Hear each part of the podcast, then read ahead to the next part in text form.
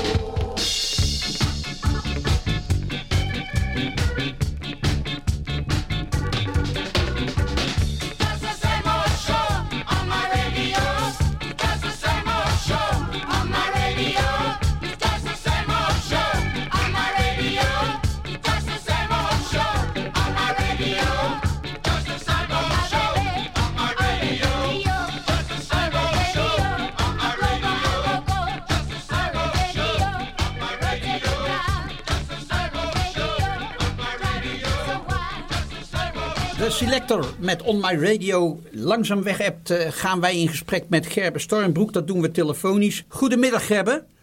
Goedemiddag. Zit je met een grote straal om je, om je wangen?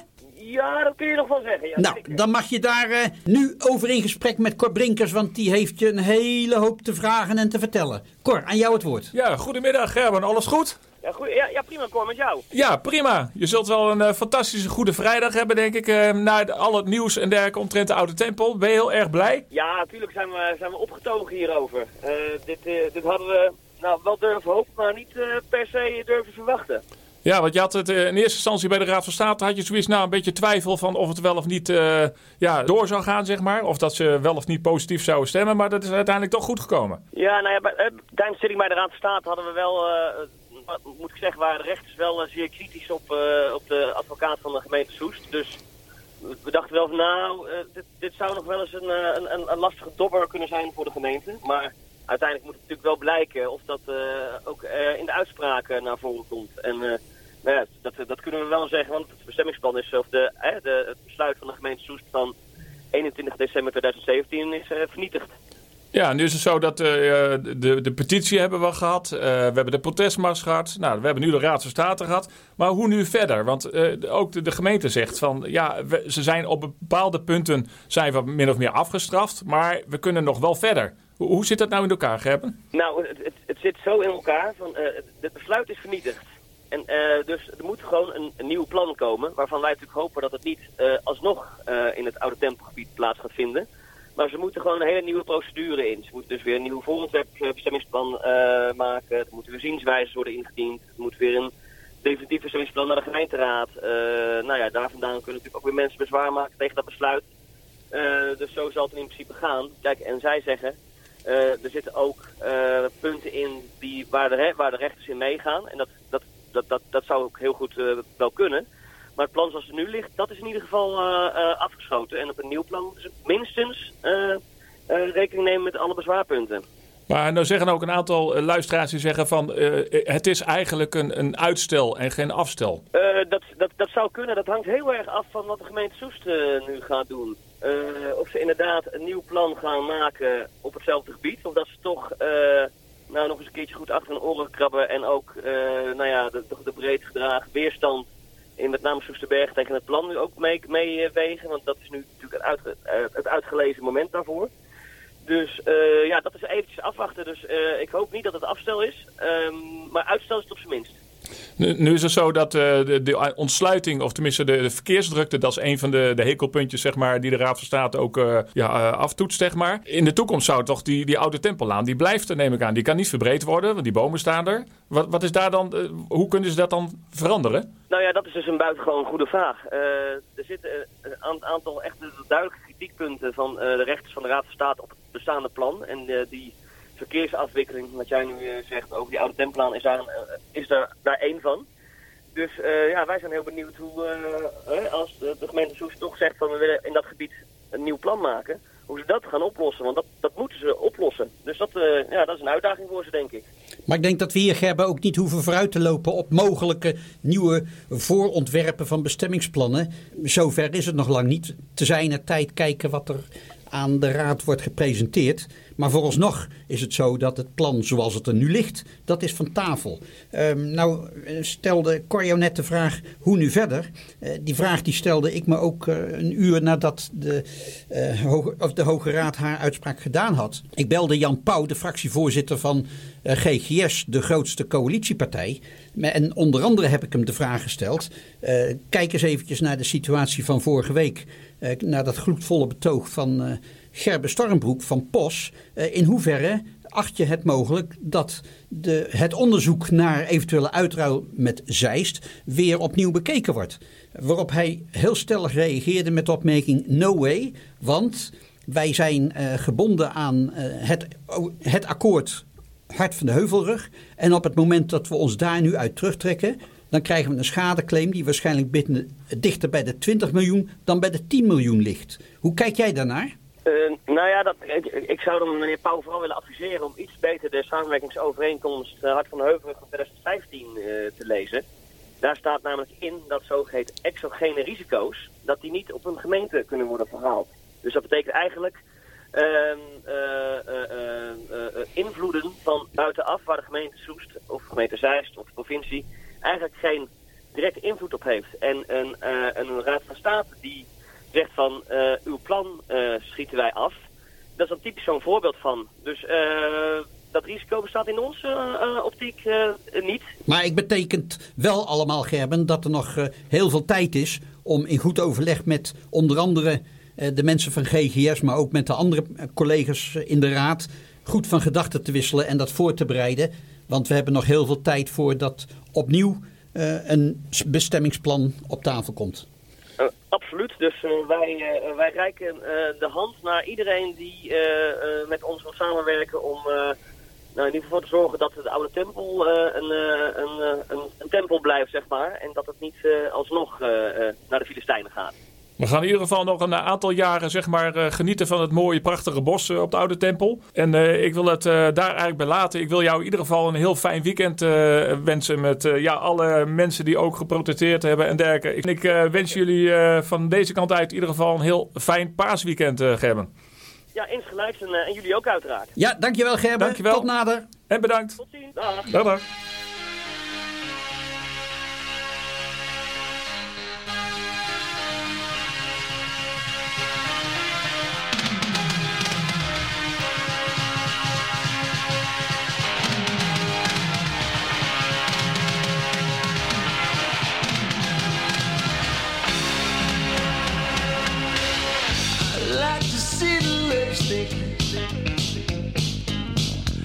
Like mascara around her eyes. I feel so romantic. I feel exactly what she likes.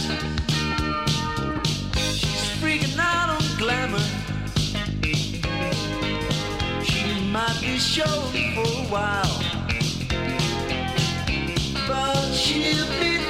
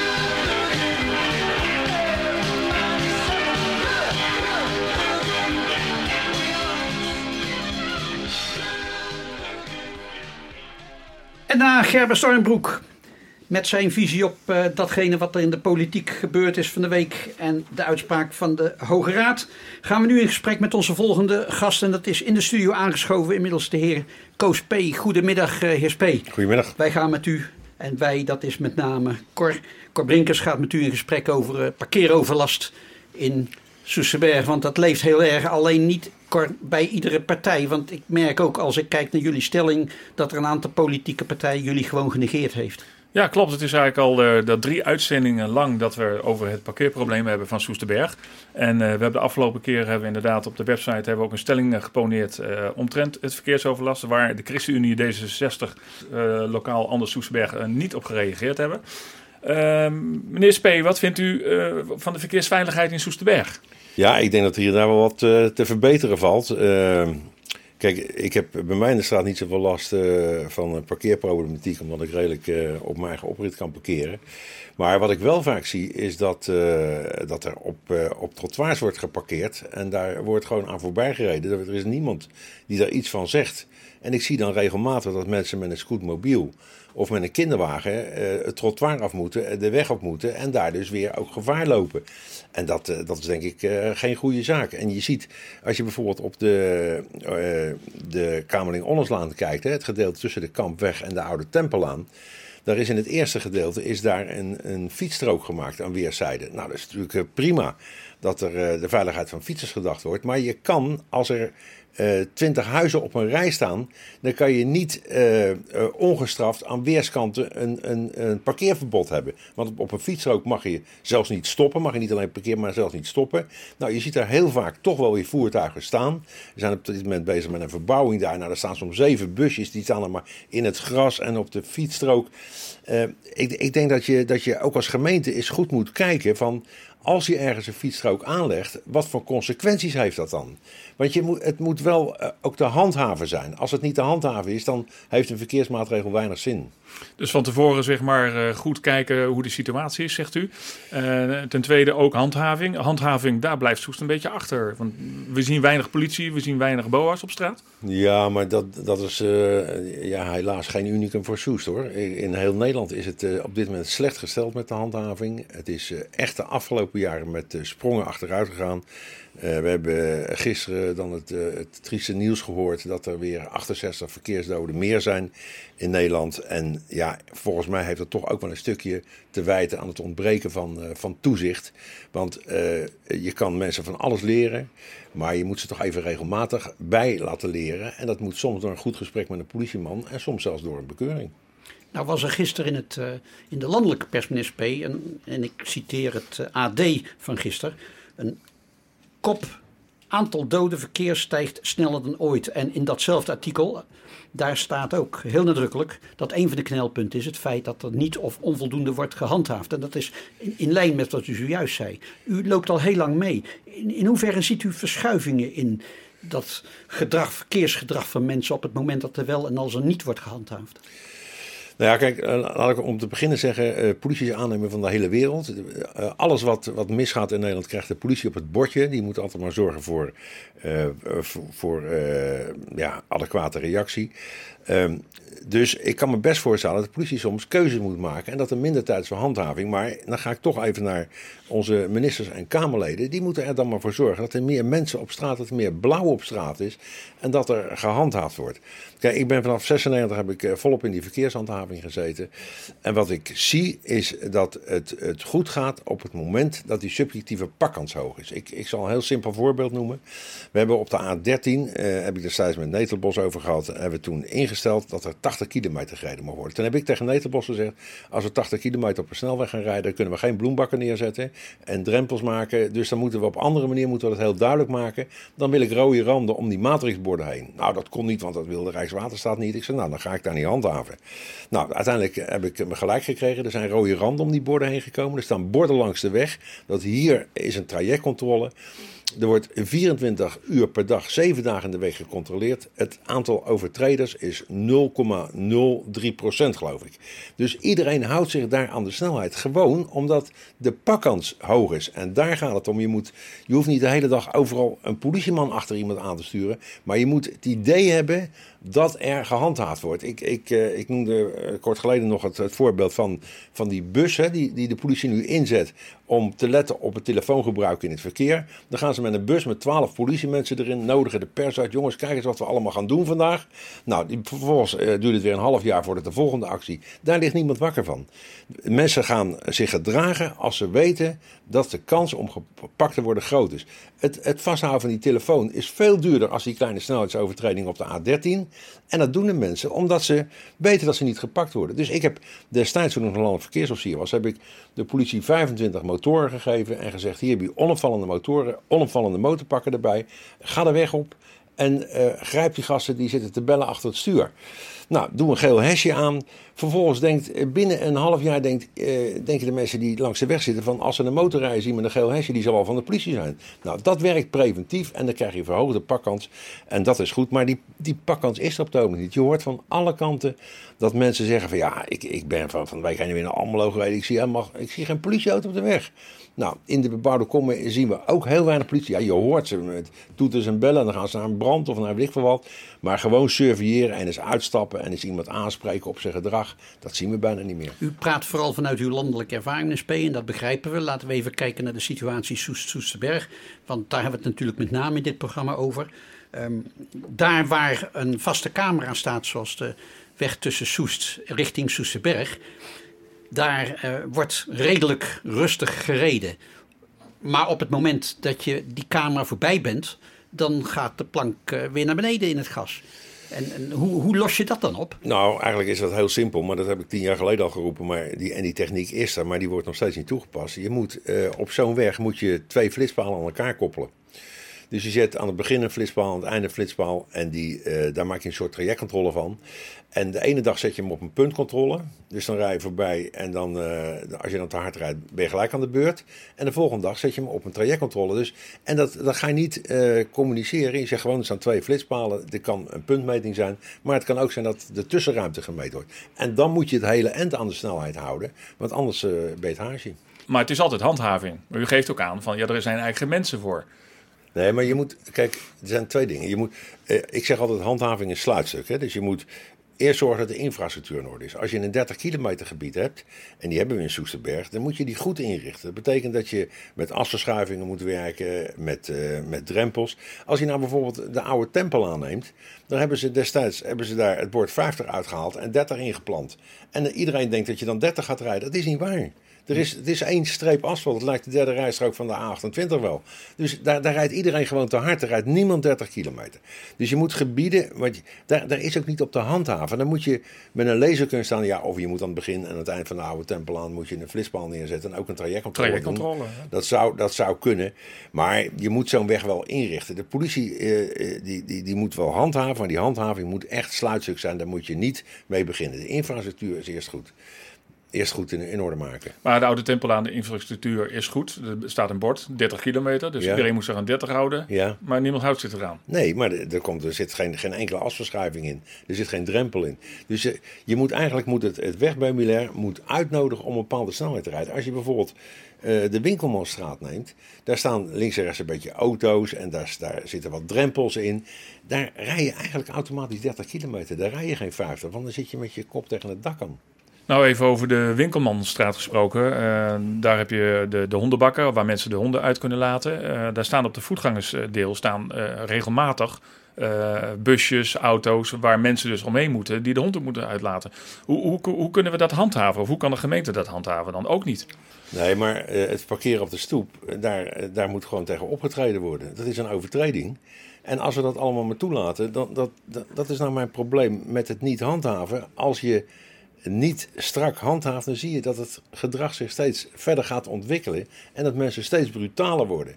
Dus als je op de stoep parkeert en de politie rijdt gewoon langs en doet er niks aan, dan is dat een soort legitieme idee van, nou, dit mag kennelijk. En dan, en dan, dan doen we dat dan ook maar gewoon. Ik vind dat, het begint eigenlijk gewoon al. Kijk, je hebt van die eh, jongetjes die zitten dan eh, met, met een rijles keurig naast hun instructeur. Hè. Dat- zijn makke schaapjes. Maar zodra ze dat roze papiertje hebben, dan gaat het petje achterover, twee keer 100 watt erin. En dan, eh, dan moet er geblazen worden. En dan, dan wordt er ook geparkeerd. Want ze kunnen geen meter meer lopen. Dus dat is tegenwoordig ook met die bestelauto's. Als ze, als ze met televisie bij je komen, dan moeten ze met vier wielen op de stoel. Want ze moeten voor de deur. Want misschien moeten ze nog een boormachine uit die auto halen. Dan kan je niet 10 meter lopen. Nou, ge- je kan die gasten de eerste keer een waarschuwing geven. En de tweede keer een prent. Dan is het zo afgelopen. Maar iedereen gooit zijn auto maar neer waar die zin heeft.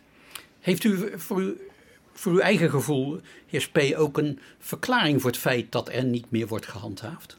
Ja, dat heb ik wel. Eh, en dat is omdat eh, de politiek eh, vindt het verkeer minder belangrijk als allerlei andere zaken. Daar gaat het om. Ik zeg altijd, er is maar één tak van criminaliteit waar zoveel doden vallen als het verkeer. Hè. De, het aantal moorden is beduidend lager.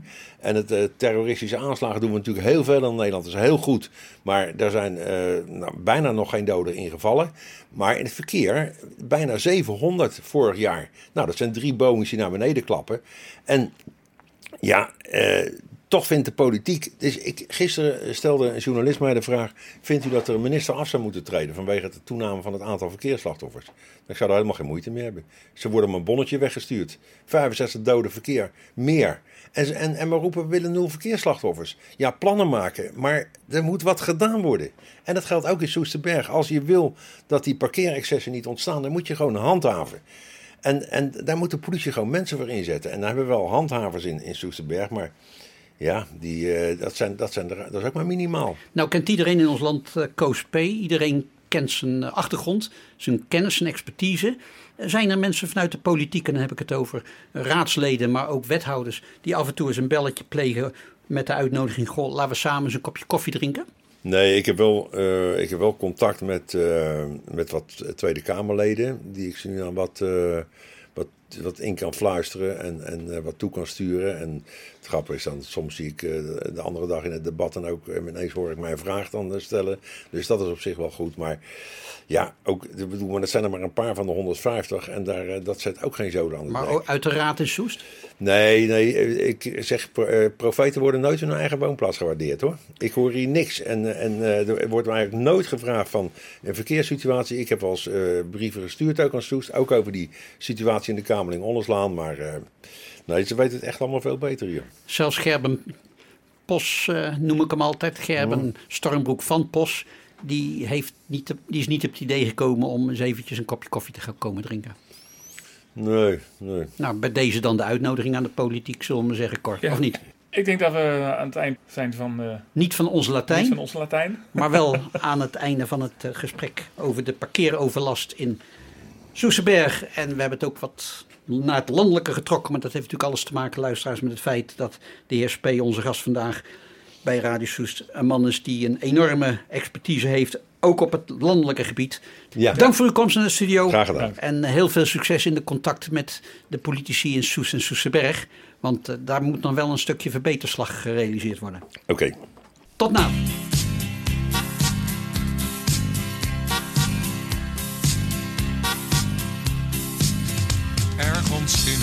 Chique showroom stond een pronkjuweel te koop.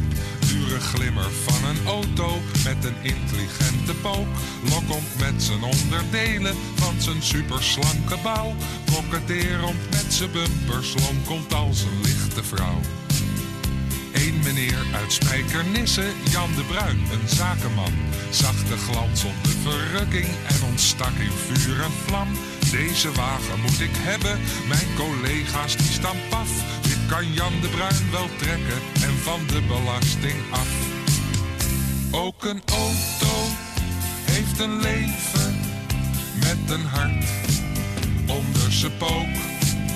Het werd hem door de mens gegeven en weer afgenomen ook. En zo kwam de kar in het leven, soefom door het hele land.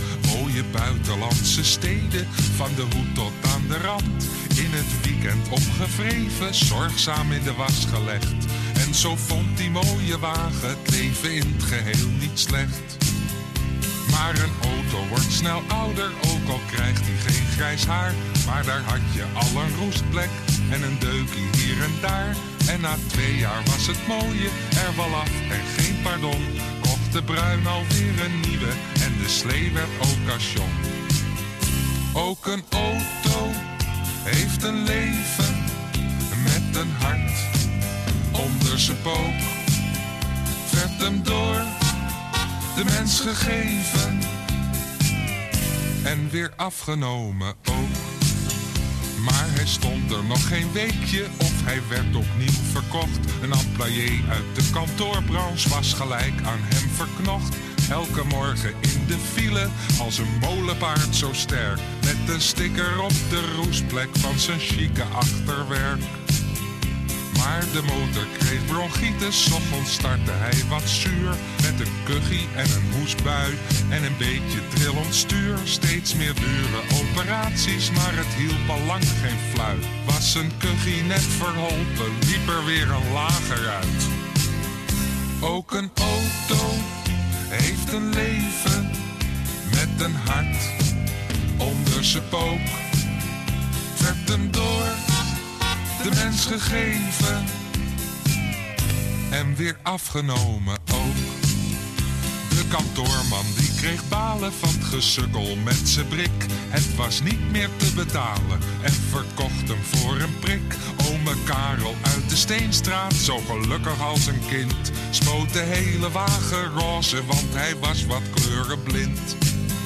Zondags ging oom Karel rijden, maar een Porsche kwam achterop. En zijn kar moest van de weg af. Ome Karel kreeg de strop. Ergens in een chique showroom stond een pronkjuweel te koop. Aristocratisch van geboorte, maar als einddoel toch de sloop. Ook een auto heeft een leven met een hart onder zijn pook. Werd hem door de mens gegeven en weer afgenomen ook. Ook een auto heeft een leven met een hart onder zijn pook. Werd hem door de mens gegeven en weer afgenomen Oké, nou we zijn weer terug. Ehm, we hebben een speciale gast in de studio. En dat is meneer, ik, we mogen toeteren, heb ik net gehoord. Maar dat is Mark Nieuwenhuizen. En dan gaan we het volgende. Er is een heel bijzonder eh, museum aan het Zeisse Spoor. Daar hebben we de vorige uitzending ook al over gesproken. En er was een soort eh, ja, open, open huis, zeg maar. Daar waren de poorten opengesteld voor iedereen en iedereen was welkom. Het is een heel bijzonder museum over logistiek en over transport, als ik me niet vergis. Maar daar kan Mark alles over vertel- vertellen. Mark, van harte welkom in de studio. Hartelijk dank. eh, ik ben blij dat ik hier eens, eh, het woord mag voeren Ja, helemaal vanuit Soesterberg. vanuit Soesterberg. We hebben het eigenlijk niet over één museum. Kijk. Het zijn drie historische collecties. En dan begin ik maar met de jongste. De historische collectie van het eh, Korps Militaire Administratie. Dan historische collectie Regiment Bevo en Transport. Oftewel bevoorrading en transport. En de historische collectie van het Regiment Technische Troepen. Dus eh, drie musea in één. in één collectie. Niet één collectie, het zijn afzonderlijke historische collecties, maar ze werken wel samen met. En administratie, zegt u, hoe, hoe moet ik dat zien? Wat, is dat dan eh, een bureau en een tafel en, Nou. en een typemachine? De militaire administratie had vroeger een eigen kazerne in Middelburg, waar ze al de administrateurs opleidden. Alles werd met de hand gedaan. Dat waren hele volkstammen die de, de, de administratie eh, bijhielden van de eenheden. En om een hele simpele, in de jaren 70 werd van iedere militair werd er een ponskaartje gemaakt in de maand. En dat werd handmatig doorgedrukt. En dan ging, werd dat automatisch verwerkt. Aan het eind van de maand op betaaldag dan ging de administrateur die ging naar de kassier en die haalde daarvoor een hele compagnie haalde die het geld op. Dat werd in, in zakjes gedaan met het, met het strookje erbij. Dus dan moet je je voorstellen wat, hoe, wat voor een intensief arbeids... Arbeidsintensieve Ja. handelingen. Ja. Dat is op zich niet eh, bijzonder. Dat dat voor wat betreft de landmacht gold. Want de situatie die je schetst, die was in alle bedrijven Overal? exact dezelfde. Ja. Overal was Ja. op betaaldag, dan zat de salarisadministrateur zakjes met heel veel geld of wat minder geld te vullen. En ik kan me nog herinneren dat de administrateur, dat hij op oefening gewapend en wel kwam. En dat hij op de bruggen, dat hij daar de soldaten aan het uitbetalen was. Dat was, dat was heel veel, eh, dat was, werd heel bijzonder geapprecieerd. Dat hoef je op deze tijd niet meer te doen en met zoveel geld over straat te lopen. Dat is niet helemaal waar. Ik heb een uitzending in eh, Bosnië meegemaakt. En ik moest daar eh, mijn kamerhuur betalen als militair. Want ik zat als, als waarnemer. Weliswaar ben ik was ik toen militair, maar ik zat in een waarnemerschap van de Europese Unie. Ik kreeg 4000 Duitse marken. En daar moest ik alles van doen. Maar dan wel in baar geld. Dat, in Bosnië functioneerde niets. Maar dan was u niet de enige die dan zoveel geld kreeg. Dus nee, nee, nee. ik kan me nee, voorstellen dat, dat er iemand dan met een hele grote zak met geld eh, door Nee, het land heen ging. nee, want dan gingen we naar eh Zagreb terug. Of het werd aan iemand meegegeven. En dan moest je aan het eind van de maand wel je verantwoording afleggen. Maar nu even terug naar uw museum. In hoeverre zien we in het museum waar we het nu over hebben van die administratie dit soort situaties weer terug? Daar zie je eigenlijk weergegeven die hele ontwikkeling zoals die gegaan is tot, tot nu. En vandaag de dag is er bijna geen personeel meer nodig. Want alles is geautomatiseerd. Nou, bevoorrading en transport laat ook de, de historie van het, van het eh, regiment zien. Vroeger het regiment aan- en afvoertroepen en het eh, regiment intendansen. En die zijn op een gegeven moment zijn die samengevoegd. En dat gaat dus door. En het regiment technische troepen, waarvan ik er dan één ben, die laat eh, de historie van het regiment vanaf 1941 zien. Daar zien we een stukje eh, eh, uitzendingen. Ik denk Indië is nog steeds belangrijk. Libanon, de moderne uitzendingen. We zijn natuurlijk afhankelijk van giften die we krijgen, hè, het materiaal wat we krijgen. Dus van de moderne uitzendingen hebben we nog niet al te veel, maar daar komt successieflijk komt uit een hoop binnen. En eh, van Korea hebben we ook nog het een en ander, want daar hebben natuurlijk ook de nodige eh, TD'ers gezeten. En dan laten we iets zien op opleidingsgebied, zoals dat destijds ging, want ook dat verandert in hoog tempo. We hebben nu, net hebben we binnengekregen een, eh, een moderne soldaat die eh, allerlei eh, cameraatjes op zijn lijf heeft. En dan met een, een computerprogramma en een, een, een straalverbinding naar, naar de fabrikant. Kan die vanuit Nederland in Afghanistan of waar dan ook, of Mali, kan die gemonitord worden en geadviseerd. Hé hey jongens, zit, daar zit het niet goed. Moet je daar even naar kijken. Maar dan gaan we even terug naar de musea hier in Soest en Soesterberg. We hebben natuurlijk het Groot Nationaal Militair Museum in Soesterberg. We hebben de musea die u beschrijft en waar u heel nauw bij betrokken bent.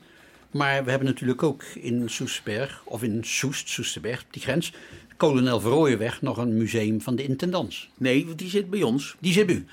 Tegenover de Dumoulin-kazerne, de huidige sergeant-major Scheik-kazerne, daar zit de EODD en die heeft ook een museumpje. Maar daar is, dat is natuurlijk alles wat met, met eh, munitie of in... eh, Explosieven te maken heeft. ja, en dat is het, het, het grootste gedeelte van de verzamelingen is tevens onderwijsleermiddel. Dus dat wordt echt in de praktijk gebruikt voor, voor de opleidingsdoeleinden. Maar dat geldt bij jullie, is dat Bij, niet het ons, geval. bij ons is dat niet het geval. En Voor mijn beeldvorming is het dan zo dat er een, eh, bij jullie een aantal tanks uit, eh, uit die periode staan eh, Nee. opgesteld.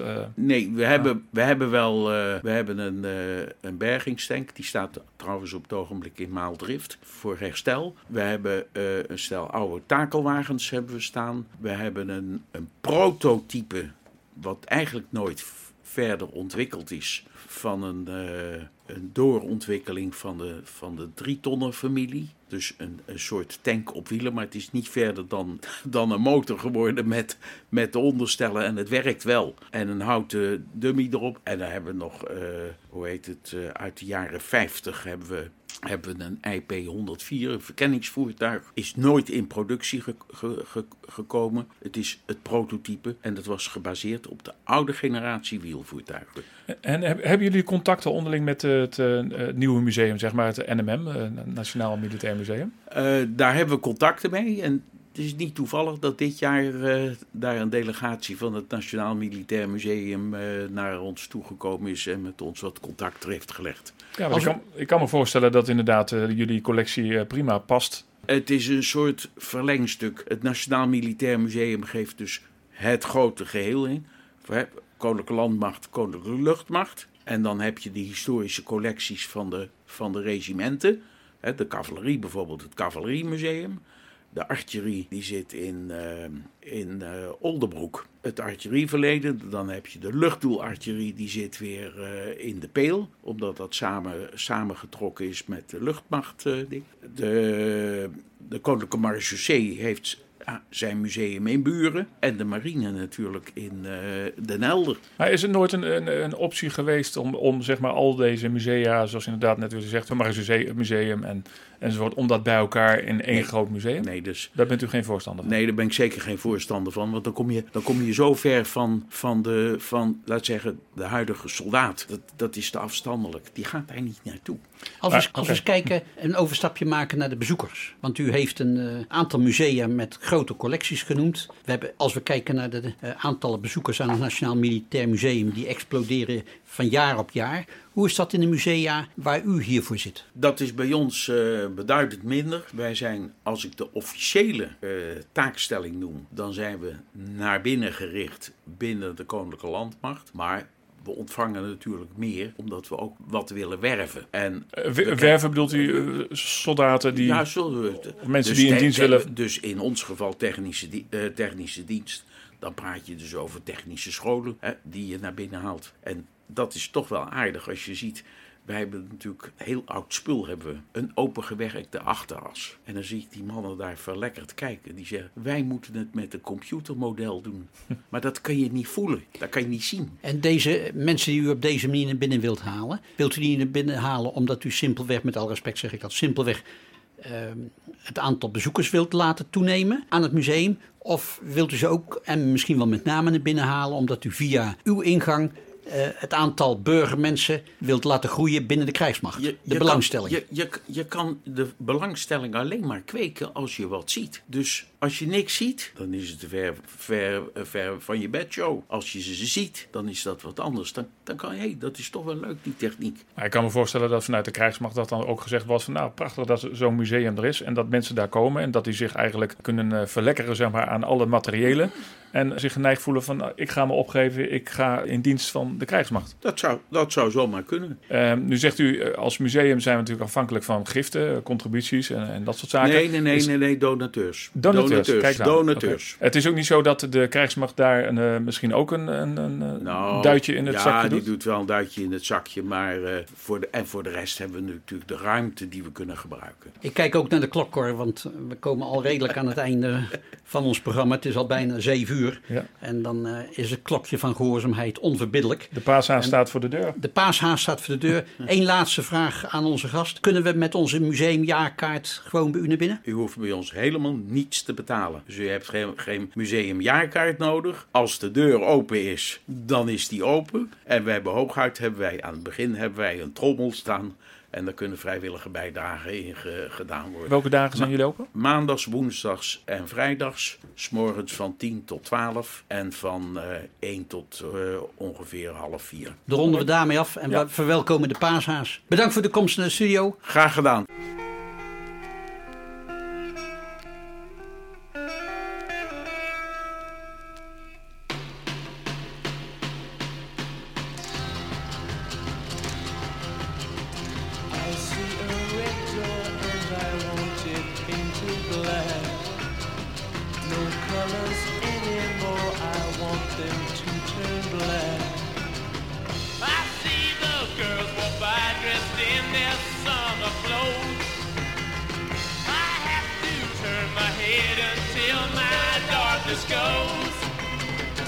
I see a line of cars and they are painted black with flowers and my love both never to come back.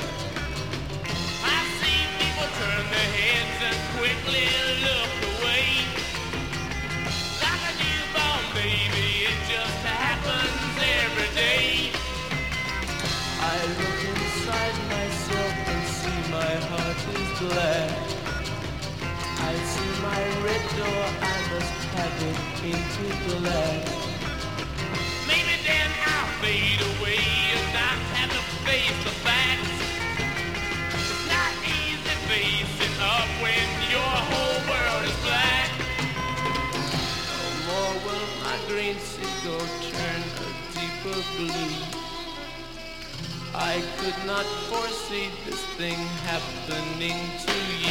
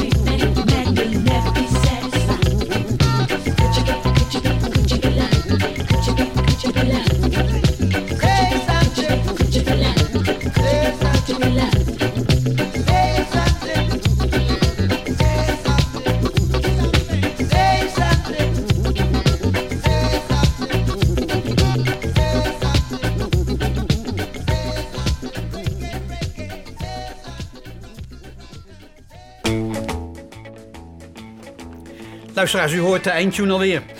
En u hoort de eindtune van Soesterberg Nieuws. En dat Soesterberg Nieuws van vrijdag 19 april. We staan vlak voor de Pasen. Weet luisteraars dat u aanstaande maandag om 9 uur niet hoeft af te stemmen op 1 land 1 actueel, maar op andere programma's van Radio Soes. Want we hebben maandag geen 1 land 1 en dat heeft alles te maken met het feit dat het tweede paasdag is. Cor, ik kijk even naar jou. Heb jij onze luisteraars nog een laatste opmerking mee te geven, een laatste wijsheid? Want dat zijn we van jou gewend. Ja, ik denk wel. Als er met Pasen niet naar de radio geluisterd kan worden, ja, wat kun je dan doen? Nou, ik zou zeggen, met z'n allen, de heel Soesterberg, ga lekker wandelen in het bosgebied van de Oude Tempel. Ze kunnen natuurlijk luisteren naar Radio Soest en dat moeten ze ook vooral doen. Maar volgende week zijn wij er weer met Soesterberg Nieuws. Ik kijk er nu al naar uit, Cor. Dankjewel voor je bijdrage. Fijn vandaag. weekend!